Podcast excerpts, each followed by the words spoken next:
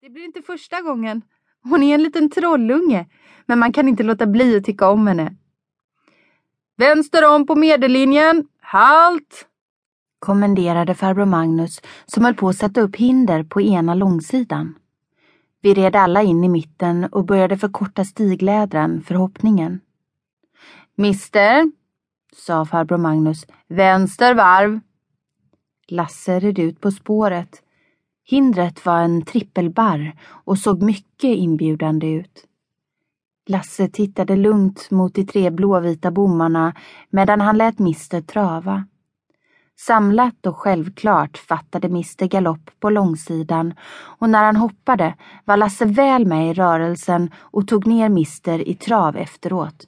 Det är bra, sa farbror Magnus. Du känner den hästen och vet att du inte behöver göra mer än så, men akta dig för att rida allt för passivt. Kom en gång till.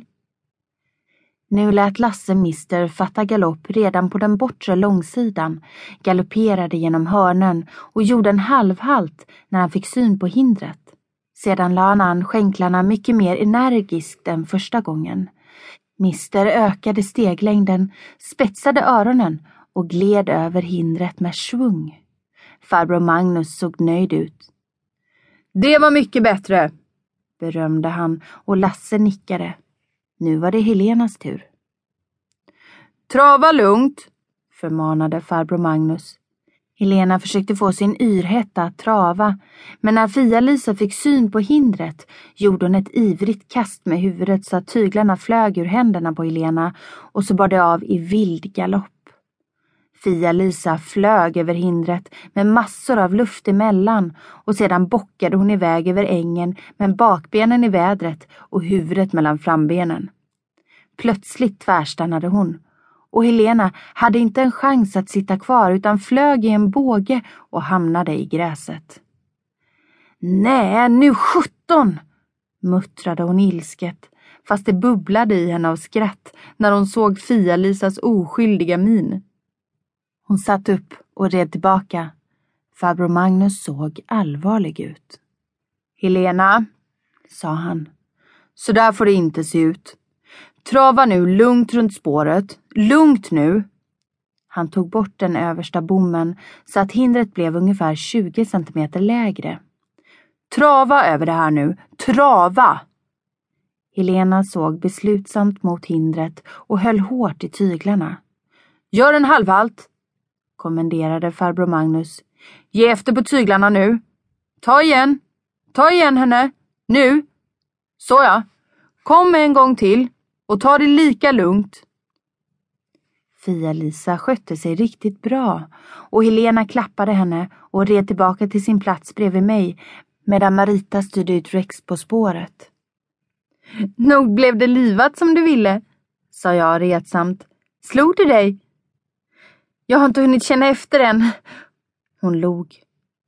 Du, jag har en känsla av att den här unga fröken behöver uppfostras lite grann. Äh, titta, jag har fått grönska på mina ridbyxor.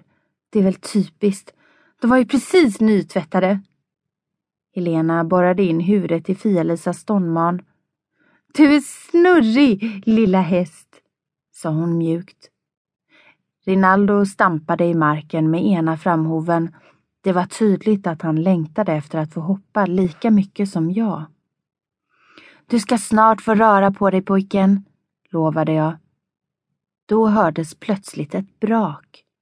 Rex hade i sista ögonblicket beslutat sig att han inte ville hoppa och nu gled han istället på bakhasorna rätt in i hindret, som förstås rasade ihop. Stackars Marita såg olycklig ut. Hon hade inte hejdat sig lika snabbt som Rex och nu satt hon framme på halsen på hästen och kom varken fram eller tillbaka. När Rex lyckats trassla sig ur hindret satt hon i alla fall i sadeln igen. Farbror Magnus la upp bommarna igen och Marita bankade på med skänken så mycket som hon bara orkade. Rex galopperade motvilligt fram till hindret, stannade nästan, lyfte frambenet, gjorde en knyck med överkroppen och skuttade över. Marita fick rida över hindret flera gånger och Rex vägrade inte mer men varje gång han kom fram till hindret